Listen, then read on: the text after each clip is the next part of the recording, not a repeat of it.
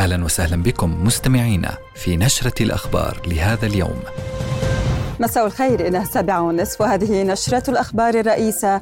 وكالعادة نستهلها بأبرز العناوين. وفي البداية نمضي مع مسار قانوني. لليوم الخامس العدل الدولية تواصل الاستماع للمرافعات. وكذلك مع تواصل العدوان. استمرار تدفق المساعدات الأردنية. على غزة. والأردنيون يتضامنون مع الفلسطينيين للجمعة العشرين. وللأسف مجازر متواصلة. نحو ثلاثين ألف شهيد بعد 140 يوما من العدوان وعلى مشارف شهر رمضان. الاحتلال يفاقم معاناة الفلسطينيين. وفي الرياضه دوري المحترفين. انطلاق مرحلة الإياب غدا ومن العناوين التفاصيل بانتظاركم.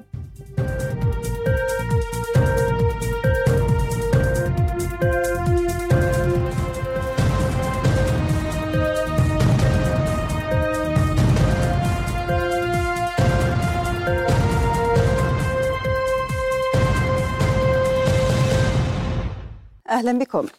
واصلت المملكة على مدار الأسبوع بذل كافة الجهود المتاحة في سبيل وقف العدوان على غزة وإحقاق الحق الفلسطيني.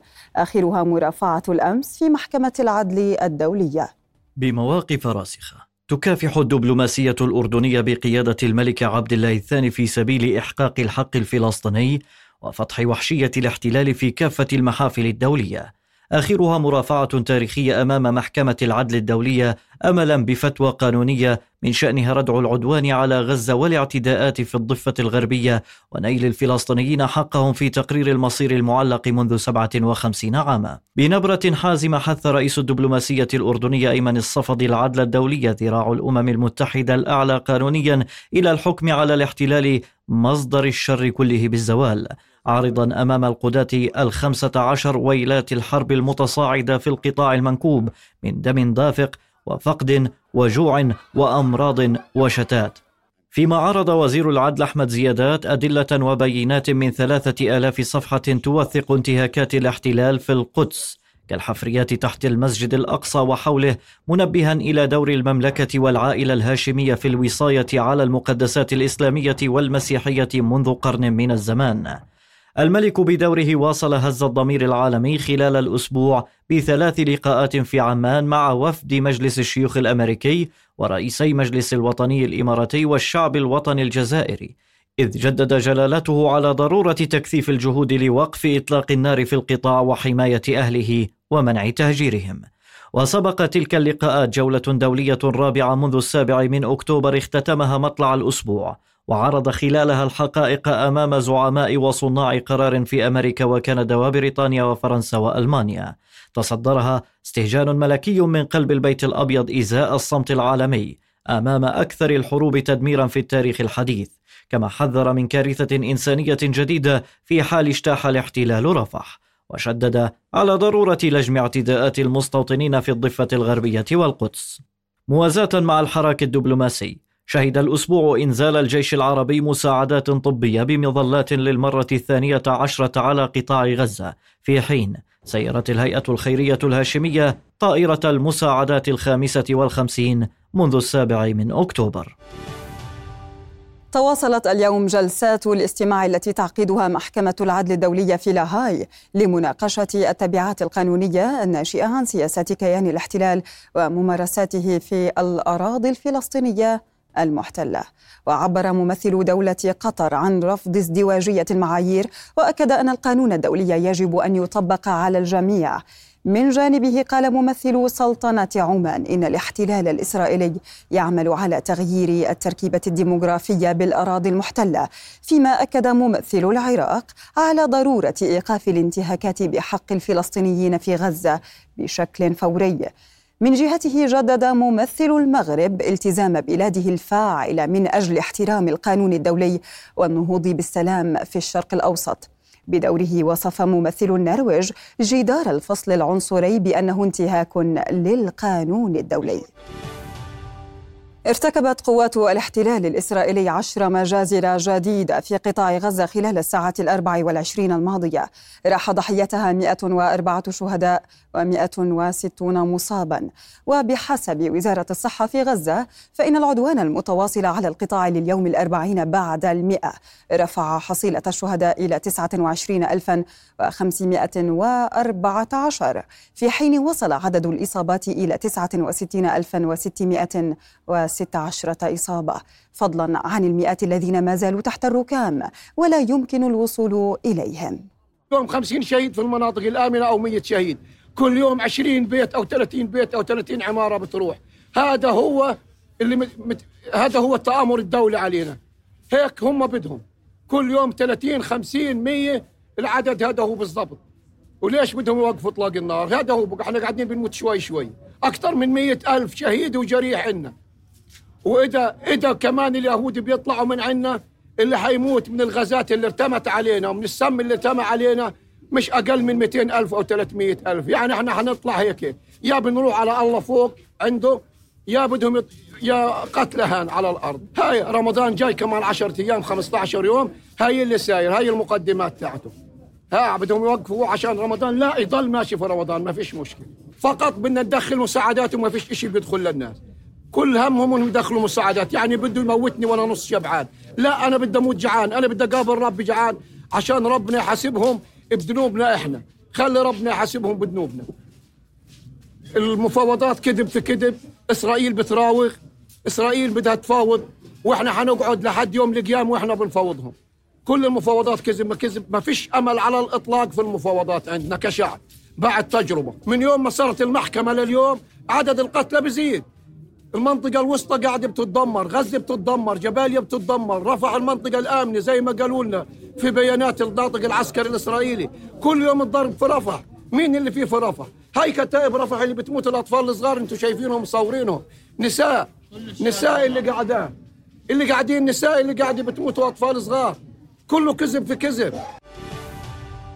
استشهد أحد المعتقلين من غزة في عيادة سجن الرمل جراء عملية التعذيب التي تعرض لها من قبل قوات الاحتلال الإسرائيلي. وأكدت هيئة شؤون الأسرى والمحررين ونادي الأسير الفلسطيني أن المعتقل الذي لم تكشف هويته كان يعاني من إعاقة حركية وهو مقعد قبل اعتقاله. وقد نقلته إدارة السجون إلى الرمل منذ أكثر من شهر. وقد وصل إلى السجن في وضع صحي خطير خطير. جراء عمليات التعذيب التي تسببت له بتقرحات شديدة في جسده وجرت محاولات قانونية لزيارته ولم تسمح إدارة السجون بذلك. يشار إلى أن عدد الأسرى والمعتقلين الذين استشهدوا بعد السابع من أكتوبر داخل سجون الاحتلال حتى اليوم ارتفع إلى عشرة بينهم ثلاثة من معتقلي غزة. ذكرت سرايا القدس أن مقاتليها أوقعوا قوة تابعة للاحتلال بين قتيل وجريح خلال كمين في محور التقدم وسط خان يونس.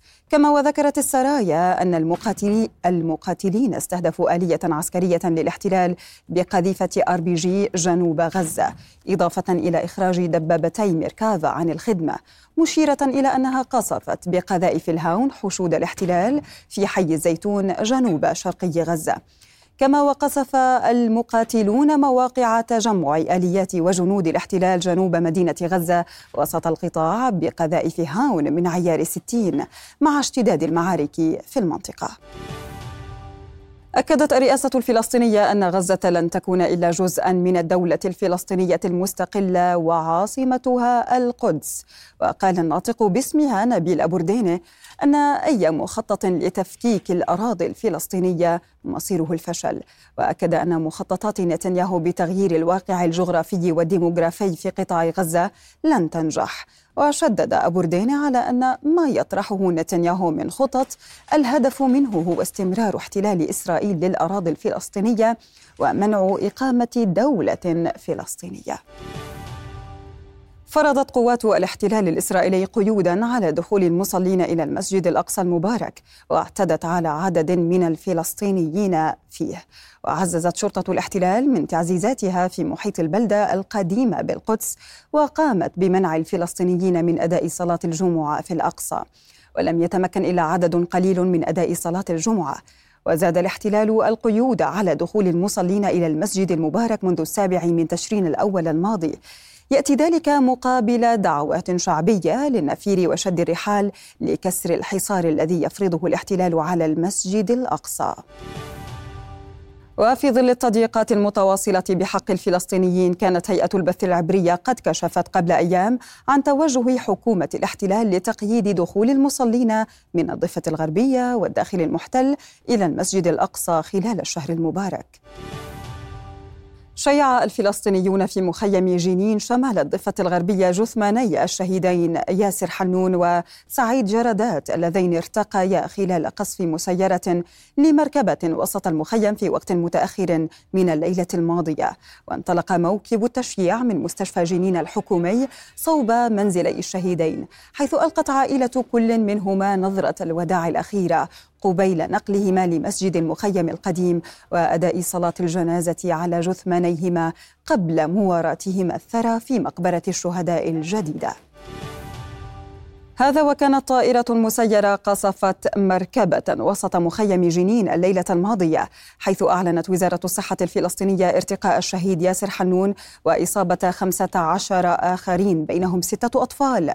فيما عادت وأعلنت فجر هذا اليوم ارتقاء الفتى سعيد جردات متأثرا بجروحه إثر إصابته في ذات القصف. التفاصيل نتابعها في المادة التالية. هذه المركبة التي استهدفها الاحتلال الليلة الماضية بصاروخين ذكيين عبر طائرة مسيرة ما أدى إلى استشهاد شابين فلسطينيين وإصابة أربعة عشر شابا وطفلا آخرين. السيارة وهذه أثار الدمار الكبير الذي أحدثه استهدافها بصاروخين عبر طائرة مسيرة وهذا الاحتراق الكبير نتج عن انفجار السيارة جراء هذين الصاروخين. كانت متوقفة في هذه المنطقة من وسط مخيم جنين في وقت الذروة وانتشار الشبان والأطفال في هذا الشارع الرئيسي في المخيم. أمام محل خاص بالألعاب الإلكترونية كان مليء بالأطفال والشبان الفلسطينيين الذين كانت الإصابات في صفوفهم. بقوا يلعبوا سلتك. طلعنا خلصنا. وقفنا هون شوي. كانوا أجوا كصفوا أنا بكيت يا دوبني وصل الدار وأجوا هم تصاوبوا كلهم صدايا. واحد بوجهه وبجره وبديهم. كلهم اخذوا راحوا على بن سينا المستشفى. واحد منهم راح مشي. وجيت رجعت لقيتهم بالمستشفى. روحوا هسه قبل شوي. في واحد آه، اخر شوي بيروح. قديش عمرهم أصحابك؟ أنت كم عمرك؟ 14 كلهم صغار 15 16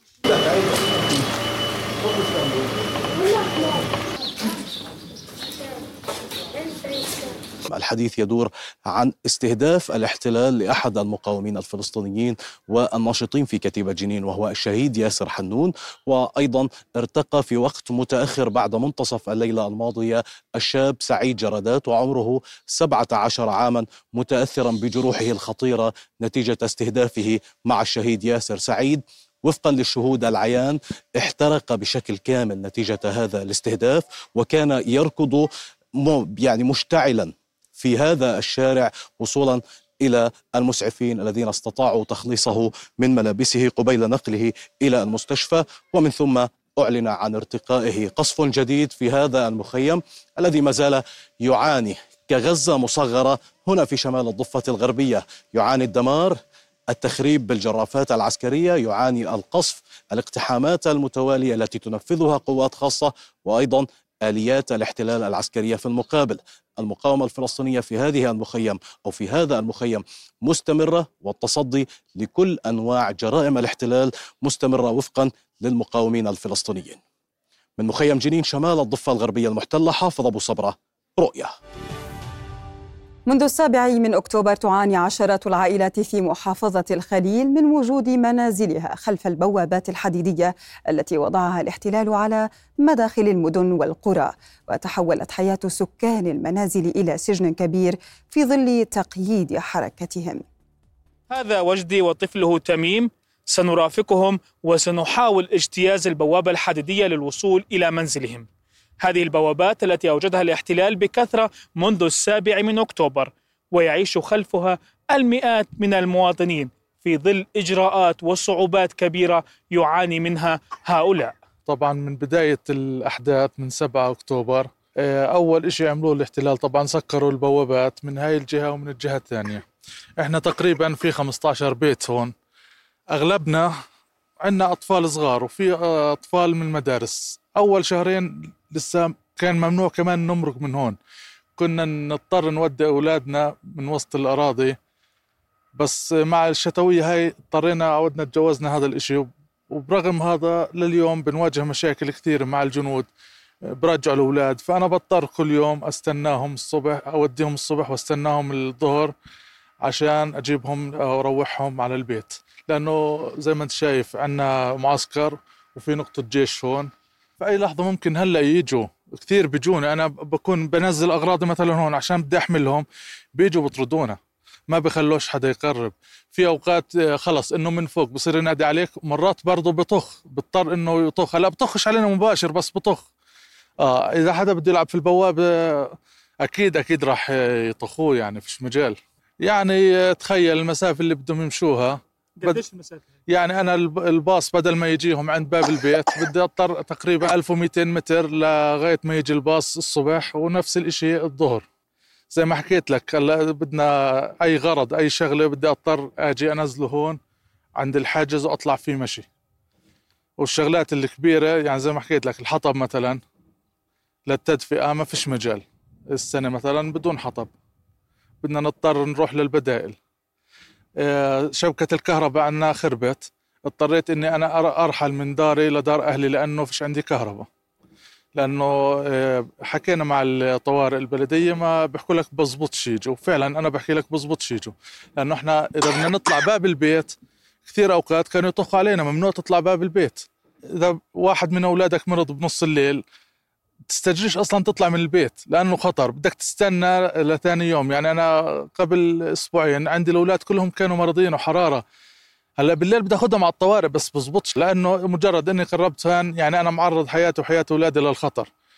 هلأ الخروج بالليل هذا يعني شبه مستحيل. ففي أي لحظة ممكن يقوسك. فصارت الساعة خمسة خلص بدك تضلك ببيتك لغاية الساعة ستة ونص سبعة الصبح اللي هي فترة خروج الأولاد من المدرسة. شو بصير معك بالليل هذا؟ بدك تدبر حالك بدك تعيش. خلص كرت الكهرباء صار عندك حالة طارئة حدا مريض.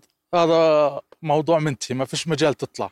يعني حياة صعبة جدا. صعبة مش بس علينا على أغلب الشعب الفلسطيني. بس إحنا بزيادة لأنه آه، هاي منعيتنا من الحركة يعني منعيتنا فيش لا روحة ولا جاية يعني بدك تضطر بس تطلع للمشوار الضروري خلال النهار فقط.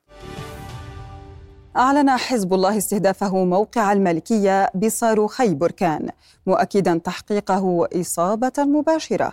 وكانت صفارات الإنذار قد دوت في عدد من مستوطنات شمال الأراضي الفلسطينية المحتلة. وبحسب مراسلات رؤيا فإن مدفعية الاحتلال إضافة إلى مسيرة استهدفتا بلدة بليد اللبنانية في غضون ذلك ذكرت وسائل إعلام عبرية أنه يتم التحقق من سقوط مسيرات أو صواريخ في مستوطنة كريات شمونة وفي آخر المستجدات الميدانية طال قصف مدفعية الاحتلال أطراف مزرعة حلتة وأحراج كفر شوبة وكفر حمام. في ظل ارتفاع منسوب المواجهة بين حزب الله والاحتلال في توسع للنزاع على امتداد الحدود تطفو تناقضات سياسية وشعبية على سطح انقسامات يعيشها لبنان منذ سنوات. فيبدو وكأن هذه البقعة المشتعلة مفصولة عن لبنان أو أن السلطات غير معنية بها. فالمعارك كشفت مقاربات مختلفة في التعاطي مع ما يجري جنوبا ووضعت اللبنانيين أمام محورين. هل عندنا مقومات للحرب نحن؟ لا، هل عندنا مخزون استراتيجي بنزين؟ لا، عندنا ملاجئ؟ لا، عندنا أدوية مخزون؟ لا، عندنا طحين مخزون؟ لا. كيف حرب؟ كل ما بتتم الحرب؟ مع إنه يرد لا أكيد أكيد بيعلن بلدنا الحرب الدائرة على جبهة الجنوب قسمت اللبنانيين غير المتوافقين حيال مقاربة موحدة للأحداث المتسارعة في خاصرة بلادهم الجنوبية رغم مرور أكثر من أربعة أشهر على المواجهات. فما يعيشه أهالي الجنوب منذ الثامن من تشرين الأول هو حرب غير معلنة. مأساة اجتازت قدرة أبناء المناطق الحدودية على تحملها في حين أن سائر المناطق اللبنانية تعيش بعيدة من الخوف اليومي والحاجة اليومية وتعطيل كل مجالات الحياة. واقع شكل مرآة تعكس الانقسام العمودي على وقع غيوم سياسية داكنة تتمثل بفراغ رئاسي مستمر منذ أكثر من سنة وإن كانت خرجت بعض المواقف التي تطالب بضرورة الفصل بين المعركة السياسية الداخلية وبين التضامن الإنساني مع أهل الجنوب. للأسف وجود نون ستيت أكتر فريق مسلح خارج الدولة هو الذي أدى بنا إلى ما نحن فيه. وبطبيعة الحال أما ألم يكن من الأجدى أن ترد الدولة اللبنانية من خلال الجيش اللبناني على الاعتداءات الإسرائيلية؟ هناك مشهد واحد هو غياب الدولة اللبنانية. الأصعب من الحرب في الجنوب هو الاعتياد على الحرب في الجنوب وكأن هذه البقعة الجغرافية مفصولة عن لبنان والدولة غير معنية بها. تستمر الحياة الرسمية وغير الرسمية وكأن حربا لم تكن. وفيما كان الجنوب يدك بالغارات ويسقط على أرضه مدنيون كانت الأنظار في العاصمة شاخصة صوب زيارة سعد الحريري إلى بيروت وجولة المشاورات الدبلوماسية الجديدة سعيا لإحداث خرق في الانسداد الرئاسي مع الحديث الحديث عن ربط ملف الاستحقاق بوحدة الساحات. لم تكن الحرب يوما نزهة لأهل الجنوب ويبقى الخوف الأكبر من أن تنتهي إلى مزيد من الشرخ بين الجنوبيين والدولة وبين المواطنين ونظرائهم من المواطنين. بين حرب إسناد عسكريه في الجنوب تتناسل منها حرب استنزاف اقتصاديه وبين خشية متعاظمة من ارتطام حربي كبير يلوح به الاحتلال يقف لبنان. وبحسب كل المعطيات فإن رزمة التعقيدات تتصاعد وسط فراغ سياسي ولا يقين وطني وحلول مؤجلة مع الربط الضمني ولو غير المعترف به من أي طرف للاستحقاق الرئاسي بوضع الجنوب. من بيروت جوانا نصر الدين رؤيا. استهدف الحوثيون في ثلاث عمليات منفصلة سفينة تجارية بريطانية وبوارج تابعة لقوى غربية قبالة سواحل اليمن إضافة إلى مدينة إيلات جنوب الأراضي الفلسطينية المحتلة. ويأتي هذا الاستهداف بعد تعهد زعيم الجماعة عبد الملك الحوثي بتصعيد الهجمات مقابل تصعيد الاحتلال بغزة. وجاء في بيان للمتحدث العسكري باسم الحوثيين العميد يحيى سريع أن القوات المسلحة للجماعة نفذت ثلاث عمليات عسكرية وكان جيش الاحتلال أعلن أن الدفاعات الجوية اعترضت هدفا واحدا تم إطلاقه وكان في طريقه نحو إيلات على البحر الأحمر. تصدرت جلسات محكمة العالم في لاهاي المشهد العام هذا الأسبوع. مرافعات من الشرق والغرب تدين ممارسات الاحتلال في الأراضي الفلسطينية.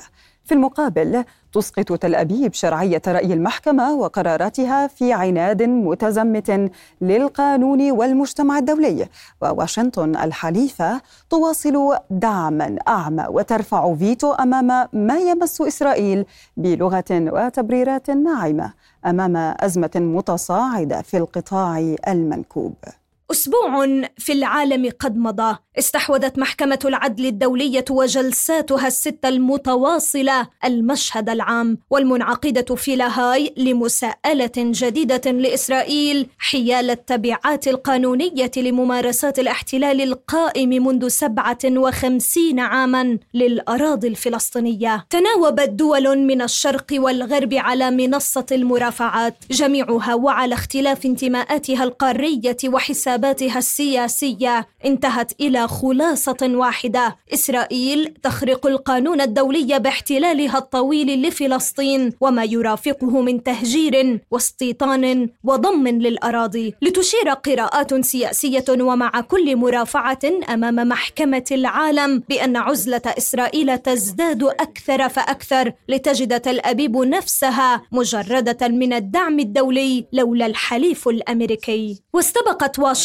الدفاع اليتيم وغير المفاجئ مفاجئة عن إسرائيل في إحاطتها أمام العدل الدولي. بفيتو أحاط هذه المرة بمشروع قرار جزائري في مجلس الأمن الدولي بشأن الحرب الإسرائيلية على غزة ما عرقل المطالبة بوقف فوري لإطلاق النار لأسباب إنسانية. وقد حظي القرار بتأييد ثلاث عشرة دولة عضوا في المجلس مع امتناع بريطانيا عن التصويت. وفي وضع سياسي حرج وبلغة ناعمة بررت المندوبة الأمريكية الفيتو بأن قبول مثل هذا القرار سيشكل تقويضا لجهود تبادل المحتجزين وفق تعبيرها.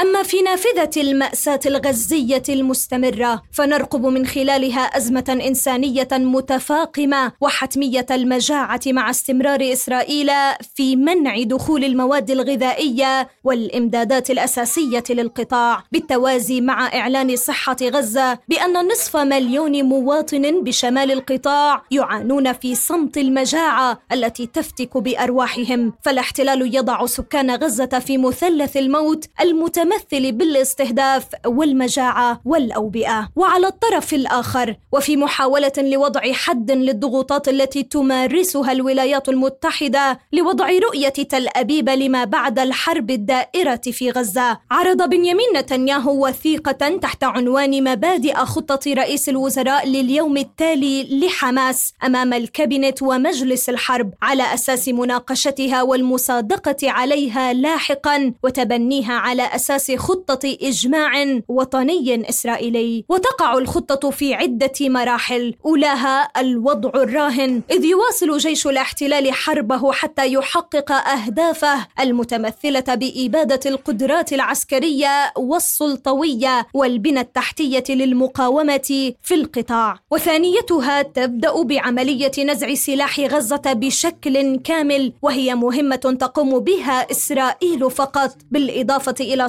سيطرتها الأمنية لأطول مدة ممكنة دون تحديد فترة زمنية. أما ثالثتها إقامة ما أسماه نتنياهو غلقا جنوبيا في إشارة للحدود بين القطاع ومصر حيث ستكون محكمة الإغلاق تحت إشراف مشترك بين تل أبيب والقاهرة وبالتعاون مع واشنطن الحليفة وبالتالي استثناء تام للسلطة الفلسطينية. وجاء في الوثيقة تفعيل خطة لإغلاق وكالة غوث وتشغيل اللاجئين الأونروا. يتزامن ذلك وتحذير المفوض العام للأونروا فيليب لازاريني من وصول الوكالة إلى نقطة الانهيار. وفي العاصمة الفرنسية باريس تتحرك عجلة المفاوضات بين المقاومة وإسرائيل من جديد بمشاركة أمريكية إسرائيلية قطرية مصرية عقب موافقة مجلس حرب الاحتلال على إرسال وفد للتفاوض مانحا إياه صلاحيات واسعة خلافا لما حدث بالجولة السابقة إذ اقتصرت مشاركة الوفد على الاستماع فقط في تطور إيجابي وسط آمال بإحراز إحراز تقدم جاد يفضي إلى صفقة تنهي عذابات حرب مستعرة. والآن ينضم إلينا المحلل السياسي أشرف العكي أرحب بك سيد أشرف في البداية على ما يبدو بذكر كل الجرائم المستمرة في غزة وفي فلسطين بالمجمل أن هذا العدوان تحول إلى معضلة لدى نتنياهو. فهل تعتقد بأن هذه المعضلة معضلة نتنياهو اليوم هي فقط غزة منزوعة السلاح أم غزة تحت الاحتلال أم أن الأمرين سيان من ناحية صعوبة التحقيق على المستوى السياسي؟ نعم هي آه، صعبة ومعقدة ولن يستطيع وهناك فشل متواصل لهذا الجيش يعني في مواجهة المقاومة الفلسطينية من جهة وإرادة الشعب الصامد. حتى هذه اللحظة من جهة أخرى، نلاحظ أن تكثيف الحصار والتجويع وهذه الحرب التي تمارس أبناء شعبنا العزل في قطاع غزة دليل على ذلك الفشل وذلك العجز وتلك المعضلة المتواصلة آه، التي لا يمكن لنتنياهو ولا لجيشه ولا لكل يعني يمين المتطرف أن يحقق شيئا من تلك المخططات. ما دام هذا الشعب صامدا مقاتلا يعني يواجه حتى هذه اللحظة. ودعيني أقول اليوم الاسرائيل تعيش على مجموعة من الأزمات المركبة والمعقدة. هناك طوفان أقصى جرى في السابع من أكتوبر، هناك حرب دائرة الآن مستمرة، هناك طوفان قانوني سياسي دبلوماسي، هناك عاصفة سياسية قانونية دبلوماسية على مستوى العالم، هناك إرادة إقليمية الآن تجابه مخططات الاحتلال بأشكال وبصيغ مختلفة، هناك جبهات إسناد مفتوحه وفي كل المنطقة. ولهذا دعيني أقول التخبط الذي يعيشه هذا الاحتلال الإرباك الهواجس يعبر عنها بتلك الإعلانات يعني والتصريحات والخطط التي تحاول يعني أن ترمم صورة الجيش المهزوم من جهة والفاشل من جهة أخرى وتحاول أن ترفع معنويات المجتمع الإسرائيلي وتحديدا مجتمع اليمين المتطرف في إسرائيل من جهة أخرى، هذا ما يجب أن يقال وهذا هو يعني الاستنتاج الأساس في كل ما يجري، الشعب الفلسطيني في الضفة الغربية اليوم موحد خلف المقاومة يعني يرص الصفوف، هناك عمليات نوعية، هناك مقاومة مستمرة، هناك تحضيرات للتصدي لكل مخططات الاحتلال. ولفك الحصار الذي أو الحصار المالي والاقتصادي المفروض على الضفة الغربية، هذا ما يجب أن يقال وبالتالي نحن أمام أيام وساعات فاصلة. ننتظر. إما أن يعني أن يكون في هناك انفراجة سياسية دبلوماسية عبر ما يسمى بالمفاوضات والدعوات الدولية أو تلك المواجهة والمنازلة الكبرى والتاريخية التي يخوضها الشعب الفلسطيني في كل أماكن تواجده وفي كل ساحات الفعل الوطني في 48 في القدس في الضفة وفي غزة. هذا ما يجب أن نقول أن يعني لوحة الاشتباك الوطني تتوسع.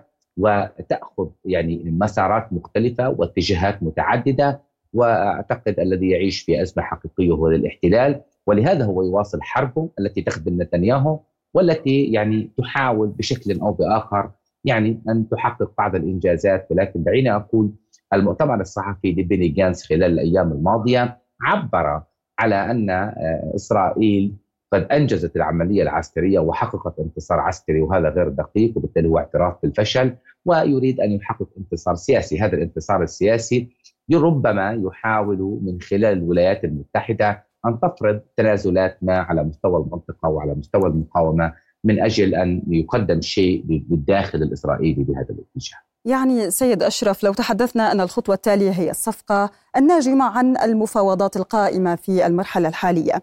لو افترضنا جدلا أن هذه الصفقة تمت، فهل تعتقد بأنها بناء على المشهد الآني ستكون لأهدافها المعلنة بصورة بحتة أم أن هناك سيكون أبعاد سياسية يتم التعتيم عليها حاليا ربما؟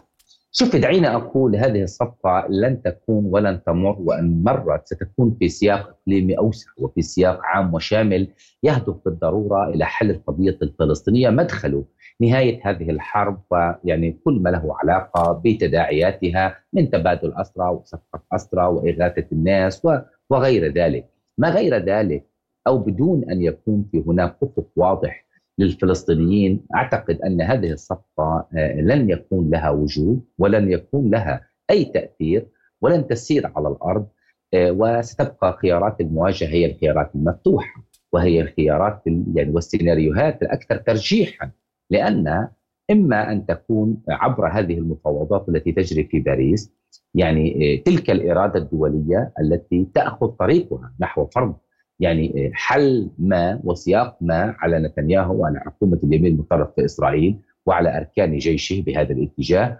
وإما يعني أن أن أن يعترف ويعلن المجتمع الدولي عجزه وفشله وعلى رأسهم الولايات المتحدة. وهنا مضطر المنطقة والفلسطينيين أن يجابهوا هذا العدوان بكل ما اوتي من قوة. ولا يمكن لأحد أن يقف في وجه يعني إرادة الشعب الفلسطيني في المواجهة والتحدي والصمود لأنه لا يبقى لنا إلا إلا هذا الخيار لأن العالم الآن يتخلى عنه الصفقة التي يريدونها عمليا إذا أفشلت أو إذا لم تتم يعني نهاية مسار التسوية والمفاوضه ويبقى التهديد والتوغل باتجاه رفح ونحن لا نتحدث عن عمل عسكري مشان إحنا كمان نكون واضحين نحن نتحدث عن حرب إبادة وتجويع وقصف واستهداف طيب للمواطنين يعني الآمنين في هذا نعم بما أنك ذكرت التمادي والدخول إلى رفح كذلك من ضمن الخطط التي أعلن عنها نتنياهو ضمن هذه المعركة المزعومة هو آه، لنقل السيطرة على الحدود بين غزة ومصر. السؤال هنا كون مصر خاصة الآن في هذه المرحلة جزء من المفاوضات ووسيط فاعل فيها ما هي التكلفة السياسية التي قد تتحمل إسرائيل دفعها لجر مصر للموافقة على السيطرة على هذا المحور المحاذي لمصر وغزة؟ شوفي دعينا أقول يعني عبر فهمنا آه، لنتنياهو خلال العقود والسنوات الماضية كل فترة يأتي بمجموعة من المحددات يفرضها واقعا سياسيا يدخل المجتمع الإسرائيلي بحالة ما من النقاش والجدل يصل إلى شكل من أشكال الإجماع. وبالتالي عندما نتحدث يعني خلال السنوات الماضية فرض موضوع يعني يهودية الدولة يعني كمعطى يعني للنقاش والداخل والجدل الداخلي ليصل إلى مرحلة من النقاش والجدل ويعني يعطي لليمين الإسرائيلي دفعة معينة، وبالتالي اليوم عندما يضع هذه الخطوه التي يعني يفترض أنها رؤيته وهي عمليا هو محددات للإجماع الإسرائيلي أو للمواقف الإسرائيلية الداخلية التي يجب أن تحدد اتجاهاتهم المستقبلية في التعاطي مع الشعب الفلسطيني ومع قطاع غزة. دعيني أقول أن كل تلك التهديدات يجب أن تدفع مصر إلى مواجهة آه، مباشرة مع مع الاحتلال الإسرائيلي. إسرائيل لا تريد أن تدفع ثمن الآن لأن حتى اللحظة آلة القتل والتدمير تستطيع أن تتصرف ولا يوجد إرادة دولية ولا يوجد عقوبات ولا يوجد أثمان تدفعها إسرائيل حقيقيه بمعنى المقاطعة السياسية والاقتصادية والتجارية والدبلوماسية وغيرها. لهذا أعتقد أن إذا ما اندفعت إسرائيل نحو مصر أو نحو رفح عفوا هذا بالضرورة سيدفع الناس نحو سيناء ونحو يعني يعني وضع مصر في حالة من الحرج وسيهدد الأمن القومي المصري بشكل غير مسبوق. ولأول مرة في التاريخ بعد يعني آه، آه، حرب 73 وبعد معاهدة السلام. وبالتالي هذا يعني سيطرح إجابات كبرى على القيادة المصرية على الجيش المصري على المجتمع المصري إذا ما إذا ما عادت إسرائيل إلى إلى تلك الحدود إلى احتلال محور فيلادلفيا وإلى احتلال كل ذلك القاطع الذي يعني إعادة احتلال قطاع غزة وقطع الطريق أمام أي فرصة للسلام والتسوية في المنطقة. ووضع المنطقة عمليا أمام مواجهة مباشرة كبرى. ومصر هنا ستضطر إلى التدخل. ليس فقط في المعنى السياسي وإلغاء اتفاقية يعني كام ديفيد وغيرها من تداعيات اقتصادية أو تجارية ولكن أنا بتقديري إذا ما نفذت إسرائيل تهديدها ووعيدها واحتلت هذا المحور أنا أعتقد سيكون ذلك مقدمة لأزمات داخلية في مصر إذا لم تقف مصر بشكل مباشر في مواجهة هذا المشروع وحتى اللحظة يعني ما يشار وما يعني وما نحن يعني نميل له أن مصر أعلنت بشكل واضح أنها لن تقبل ذلك ولن تسمح بتصفيه القضية الفلسطينية ولن تقبل بالتهجير ولن تقبل باحتلال هذا المحور ولا آه، يعني ومصر تبذل جهود مضنية الآن في موضوع المسار السياسي والمفاوضات. طيب سيد أشرف أليس من المقلق؟ عفوا أن يفشل أكثر من ذلك. نعم أليس من المقلق أن تقايض إسرائيل على ما يبدو أنها تفعل كذلك؟ مقايضة سلامة المدنيين ووقف الإبادة الجماعية باحتلال هذا المحور. ألا تعتقد بأن هذه نقطة ضغط على المجتمعات الدولية حقيقة؟ نعم نعم. إسرائيل تمارس كل أشكال الضغط والمقايضة والخداع والكذب والإرهاب والتدمير. هذه الحقيقة. ولكن بالمقابل هناك مواجهة هناك معركة مستمرة والمشكلة بش ليست بما تريد إسرائيل وبما يمكن أن تفعل إسرائيل وما تنويه إسرائيل وما يخطط له نتنياهو واليمين المتطرف في إسرائيل، المشكلة الآن هي في المواقف الدولية، يعني يجب أن لا تستطيع إسرائيل وأن لا تبقى إسرائيل قادرة على مخالفة قواعد القانون الدولي، ميثاق الأمم المتحدة، قانون الدولي الإنساني، اتفاقية جنيف، إيه، حتى اتفاقيات السلام الثنائية الموقعة مع دول المنطقة، يعني هذا ما يجب أن يدفع الآخرين ودول العالم والمجتمع الدولي وعلى راسهم الولايات المتحدة ودول الإقليم الذين يتأثرون وبدأوا يتأثرون بشكل مباشر من تداعيات هذه الحرب بشكلها وبوضعها الحالي. ونحن أمام مرحلة خطيرة وحساسة قد تدفع إلى تداعيات أكثر حدة وأكثر يعني سلبية على كل الأطراف. ولهذا الموقف الآن ليس عند إسرائيل الموضوع يجب أن يدفع الآخرين في المنطقة والعالم إلى اتخاذ مواقف جريئة وجدية وحاسمة وشبه نهائية. إذا لم يريدوا ذلك أو لم يستطيعوا ذلك دعيني أقول هناك شبهات مفتوحة وأنا هذا هو تقديري. الساعات والأيام الماضية لاحظنا تصعيد في الجبهة اللبنانية، جبهة اليمن مفتوحة، جبهة الضفة مرشحة على الانفجار وبشكل نوعي وغير مسبوق في هذا الاتجاه. سيد أشرف بما أنك ذكرت الجبهة اللبنانية عند هذه النقطة بالتحديد وتحدث عن الجبهات المفتوحة في هذه الآونة وربما هناك مستجدات إن استمر الحال على ما هو عليه بعض المصادر تقول بأن بما في معناه إيران راضية عن هذا المستوى من التصعيد في المنطقة لأن هذا المستوى يفتح لها المجال للحوار مع واشنطن فهل يقف فعليا مصير المنطقة بالمجمل على تدفق الحوار الأمريكي الإيراني؟ لا لا, لا ليس صحيحا. أنا هذا افتراضي يعني. لأن ليس إيران لاعب وحيد في المنطقة. إيران لديها مصالح ولكن تركيا لديها مصالح والسعودية لديها مصالح ومصر والخليج العربي والمنطقة العربية ليس المنطقة مفعول بها. هذه المنطقة قوية مؤثرة تدير حساباتها صحيح توازنات المنطقة حساسة اليوم وغاية في التعقيد وهناك تقاطعات كبرى الآن. ولكن دعينا أقول لكي لا نخلط الأمور مع بعضها البعض هناك قمة عربية إسلامية مشتركة. التي عقدت في السعودية وهي أسست لمحددات لسيرورة العملية ككل اليوم في المنطقة. ولا يمكن لإيران يعني أن تدخل في مفاوضات ثنائية لوحدها مع الولايات المتحدة وتحصل على ما تريد دون وتستثني الأطراف الإقليمية الأخرى. يعني كالعرب من جهة والأتراك من جهة أخرى. نعم. هناك قضايا اقتصادية قضايا أمنية قضايا سياسية قضيه القضية الفلسطينية. تقع في قلب الإقليم ككل في قلب آسيا ككل وليس فقط في قلب المنطقة والشرق الأوسط. ولهذا دعينا أقول هذه أطروحات غير صحيحة وغير دقيقة؟ والمنطقة الآن يعني فيها في في فيما بينها من التعاون والنقاش والحوار والتقارب وهذا ما اغاض الاسرائيلي الأمريكي.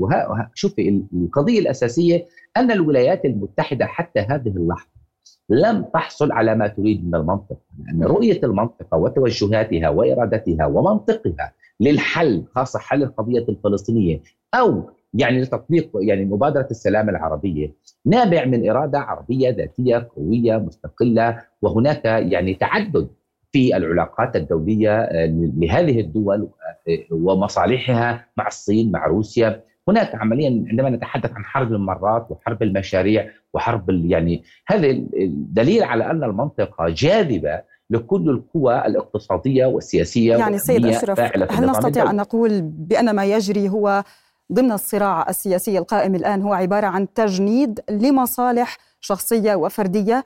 وكذلك إن كان من حلقة مفقودة ضمن ضمن هذه السلسلة من المشاحنات السياسية فمن له أن يكون هذه الحلقة المفقودة لكي تتضح الصورة وتحل العقد؟ لا لا حلقات مفقودة. هذه حرب اليمين المتطرف في إسرائيل. هذه حرب نتنياهو. هذه حرب الجنرالات. هذا اليمين المتطرف الآن يتكتل ويتحالف ويتماسك في مواجهة كل الضغوط الدولية. هو يعني لأنه يحمل رؤيه وبرامج توراتية دينية آه، مشروع كبير في الاستيطان والتوسع والإحلال وتقويض الوجود الفلسطيني بل إنهاء الوجود الفلسطيني السيطرة على المقدسات اسرائيل الكبرى هذه مشاريع اليمين عودة الاستيطان الاحتلال في غزة واحتلال غزة آه، يعني وتفريغ الضفه من سكانها وبناء الهيكل المزعوم. هذا ما يجب أن نفهمه الآن. هؤلاء من يسيطر على القرار السياسي في إسرائيل وعلى القرار الأمني. القرار الأمن العسكري في إسرائيل أن هذه الحرب تختم. اولا هناك امتيازات للجنرالات الإسرائيليين في ظل هذه الحرب وهناك آه، يعني فاتورة حساب طويلة كبيرة ستفتح بعد نهاية هذه الحرب هذا الجيش. حتى هذه اللحظة هنا يجب أن نفهم المعادلة الداخلية الإسرائيلية. هذه حتى هذه اللحظة هنا الحلقة المفقودة ودعيني يعني أستنتج هذا الاستنتاج. أن الجيش لم يستطيع تحقيق أي إنجاز يقدم. ولا يستطيع ضمان أمن إسرائيل ولم يستعد صورته وهيبة ردعه التي يعني هشمتها السابع من أكتوبر وما زالت يعني عمليا تتحطم أمام إرادة المقاومة الفلسطينية. هنا المعضله الآن تلاقت أهداف اليمين المتطرف في إسرائيل بزعامه نتنياهو وخلف تلك الروايات التوراتية و و يعني وكما نفهمها نحن. أضف إلى ذلك أو كيف وهم عفوا. وأضف إلى ذلك هذا الجيش حتى هذه اللحظة عاجز فاشل لم يستطيع تحقيق أي إنجاز. أضف إلى معادلة أخرى لها علاقة بحسابات الولايات المتحدة المعقدة التي تريد اولا حماية يعني آه، مشروع بايدن الانتخابي من أي إخفاقات أو نعم يعني, يعني أو هي سيد أشرف محاولات وفرض شيء نعم. على المنطقة بهذا الاتجاه نعم. والمنطقة نعم. ما زالت تتحدى الولايات المتحدة لأنها تريد حل عادل شامل اذا هي غايات أمريكية ومحاولات لرد الاعتبار من قبل إسرائيل السيد أشرف العكي لك منا جزيل الشكر. كنت معنا محللا سياسيا من رام الله. شكرا لوجودك معنا. لم تمضي جمعة منذ بدء العدوان على غزة إلا وخرج الأردنيون عقب الصلاة في مسيرات ووقفات تطالب بوقف الحرب على القطاع وإدخال المساعدات ونجدة الأهل في غزة. بصورة تعكس التناغم بين الموقفين الرسمي والشعبي المساند للقضية الفلسطينية. لم يتوقف الأردنيون عن التضامن مع فلسطين منذ بدء العدوان على غزة في السابع من أكتوبر الماضي. وللجمعة العشرين يخرج الأردنيون بمختلف مناطق المملكة عقب الصلاة في مسيرات ووقفات منددة بحرب الاحتلال على القطاع. نحن في وقفاتنا نرسل هذه الرسائل باستمرار أنه لا للتهجير. لإخواننا من ونحن نقف ضد التهجير، نقف أيضا ضد المساعدات التي تمد إلى إسرائيل، أيضا لا للتطبيع مع هذه مع هذا الكيان الصهيوني الذي نقض جميع المعاهدات ونقض جميع الاتفاقيات. نسأل الله سبحانه وتعالى أن يفرج كرب الأمة وأن ينصر المجاهدين يثبت أقدامهم ويربط على قلوبهم ويسدد رميهم وأن يقتل عدوهم وإنه على ذلك لقدير. ورفع مشاركون لافتات تطالب بوقف العدوان بشكل فوري وحماية المدنيين من جرائم الاحتلال الإسرائيلي. يا أهل غزة أنتم أحبابنا أنتم نحن ونحن أنتم. لا تخافوا أنتم رجال أنتم أشاوز. والنصر من الله والنصر حليفكم إن شاء الله. وخسع اليهود وخسع نتنياهو.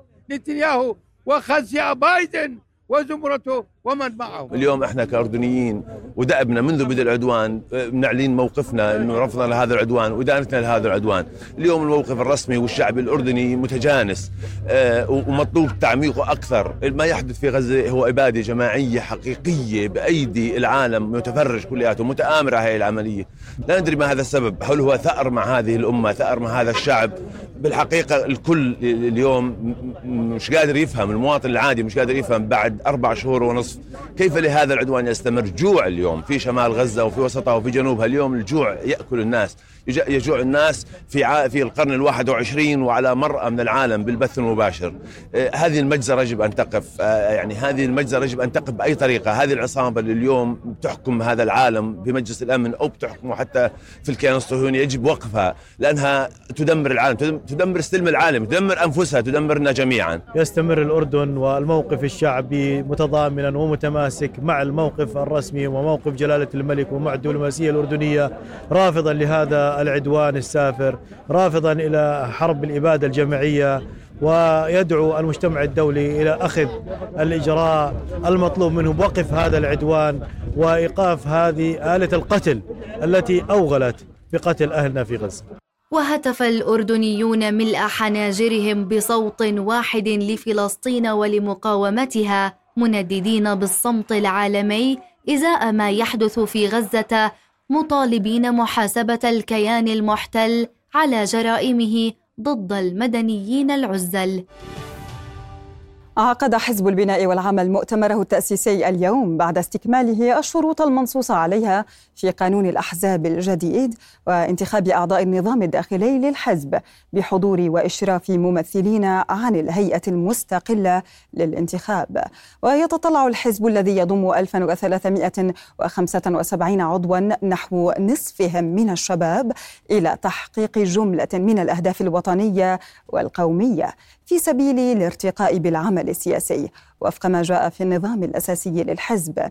ومع تأسيس الحزب الذي شهد نشاطا شبابيا في عملية انتخاب هيئته الإدارية يصبح عدد الأحزاب المرخصة في المملكة 34 حزبا يستعدون للمشاركة في الانتخابات النيابية المقبلة المتوقع إجراؤها بين العاشر من تموز يوليو والعاشر من تشرين الثاني نوفمبر من العام الحالي.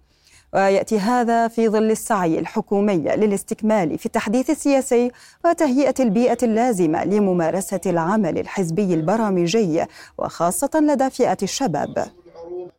حقيقة يعني كان جهد تقريبا صار لنا تقريبا حوالي سنة سنة وشهرين شغالين على موضوع الحزب لأنه كما تعلم ويعلم الجميع أنه إقناع الناس بالأحزاب مهمة ليس بسهلة وحقيقة يعني آه، صادفنا آه، مشاكل كثيرة ولكن ولله الحمد تجاوزناها. نحن الحقيقة نؤسس للشاركية حقيقية وأن يكون هنالك برامج آه، واقعية منطقية تستلهم.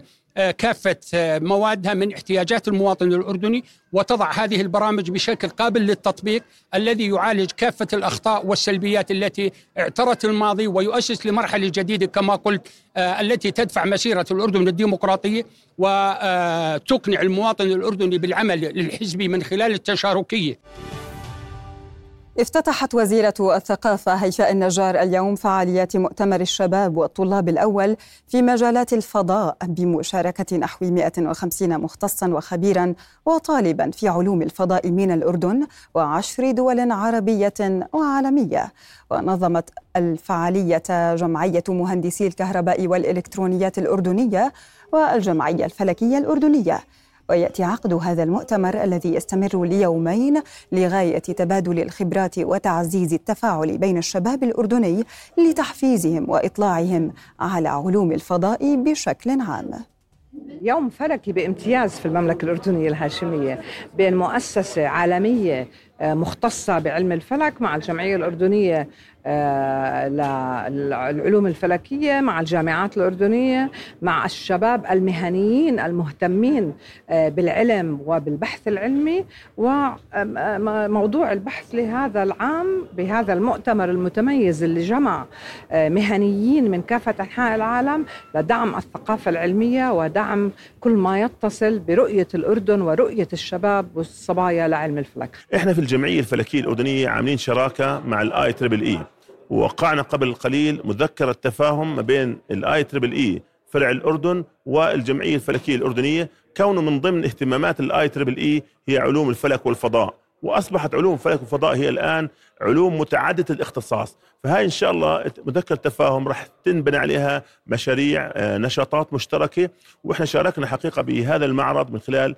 آه، معرض متخصص في قطع نيزكية في تلسكوبات آه، أحجام مختلفة زائد في محاضرات. عندنا حوالي تقريبا مجموعة محاضرات من الجمعية الفلكية الأردنية تخدم أهداف هذا المعرض وأهداف I Triple E اللي بالنسبة لنا هي الآن هاي السنة هي علوم وتكنولوجيا الفضاء ذكر مكتب حقوق الإنسان التابع للأمم المتحدة في تقرير جديد أن عشرات الأشخاص بينهم أطفال تعرضوا لأشكال مختلفة من العنف الجنسي جراء الصراع المتواصل في السودان وهي اعتداءات قد ترقى إلى مستوى جرائم الحرب.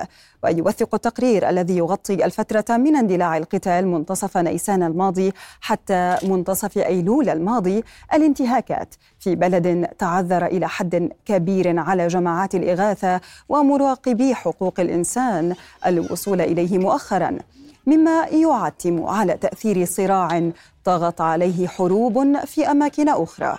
وخلص التقرير إلى أن ما لا يقل عن 118 شخصا تعرضوا للعنف الجنسي بما في ذلك الاغتصاب مع ارتكاب أفراد القوات شبه العسكرية العديد من الاعتداءات في المنازل وفي الشوارع.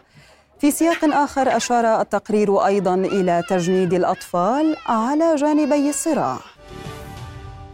كشف الرئيس الروسي فلاديمير بوتين عن تحديث نحو 95% من القوات النووية الاستراتيجية الروسية مبينا أن القوات الجوية تسلمت أربع قاذفات قادرة على حمل رؤوس نووية.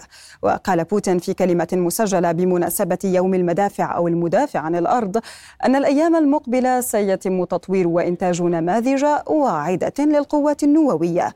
وأضاف أنه سيتم إدخال تقنيات الذكاء الاصطناعي في المجال العسكري وأكد أن حصة الأسلحة والمعدات الحديثة في القوات النووية الاستراتيجية وصلت إلى 95% محطتنا الختامية لهذه النشرة الملاعب. نشرة أخبار الرياضة يقدمها لكم نجم الدين هويمل مساء الخير نجم. مساء الخير رفاه.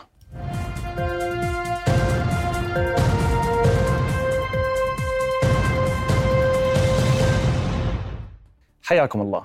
حقق المنتخب الوطني لكرة القدم للسيدات الفوز على شقيقه اللبناني بهدفين دون رد في المباراة التي جمعتهما في ختام دور المجموعات من بطولة غرب آسيا. وبهذا الفوز تصدرت النشميات المجموعة الأولى بالعلامة الكاملة من ثلاث انتصارات فيما حلت اللبنانيات في الوصافة في وصافة المجموعة ورافقنا الأردنيات للدور نصف النهائي.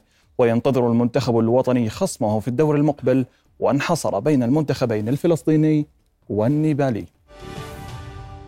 تنطلق يوم غد السبت منافسات الجولة الأولى من مرحلة الإياب لدور المحترفين لكرة القدم حيث تسعى الفرق لتقديم بداية مثالية بعد التوقف الطويل. المزيد من التفاصيل في التقرير التالي. تنطلق السبت منافسات مرحلة الإياب من دور المحترفين بإقامة مباريات الجولة الثانية عشرة والتي من المنتظر أن تحمل الظهور الأول للعديد من الفرق بعد غياب طويل بسبب التوقف الذي فرضته المشاركة المنتخب الوطني في كأس آسيا. تجمع المباراة الأولى يوم السبت بين معان والجليل على استاد الأمير محمد في الزرقاء حيث يطمح الفريقان إلى تحقيق الفوز للتقدم على سلم الترتيب خصوصا وأنهما قريبان نقطيا من مناطق الهبوط. في المباراة الثانية يلتقي الحسين المتصدر بفريق شباب الأردن في مواجهة يحتضنها ملعب البتراء في مدينة الحسين للشباب. يوم الأحد سيشهد مباراة واحدة بين سحاب وشباب العقبة على ملعب البتراء وتختتم الجولة بإقامة ثلاث مباريات عندما يلتقي الرمثة ومغير السرحان على استاد الحسن في إربد. قبل أن يضرب الوحدات موعدا مع الأهلي فيما يحل الفيصلي ضيفا على السلط في مباراة لا تقبل إلا الفوز للفريقين رغم اختلاف طموحات كل فريق. أعلن النادي الفيصلي اليوم الجمعة عن ضم الحارس السوري أحمد مدنية ليمثل فريق كرة القدم الساعي لاستعادة لقبي دوري المحترفين وكأس الأردن. وكشف الفيصلي أن عقد مدنية يمتد لموسم ونصف مع الفيصلي.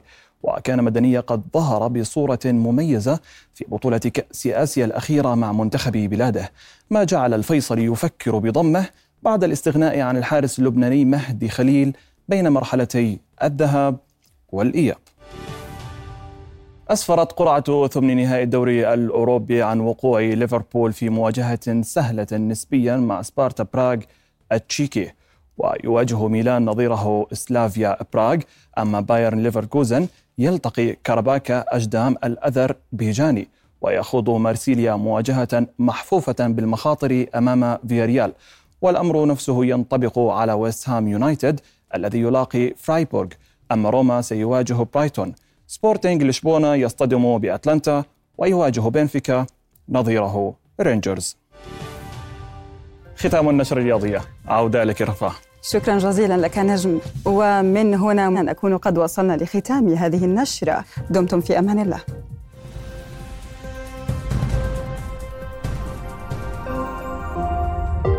رؤيا بودكاست.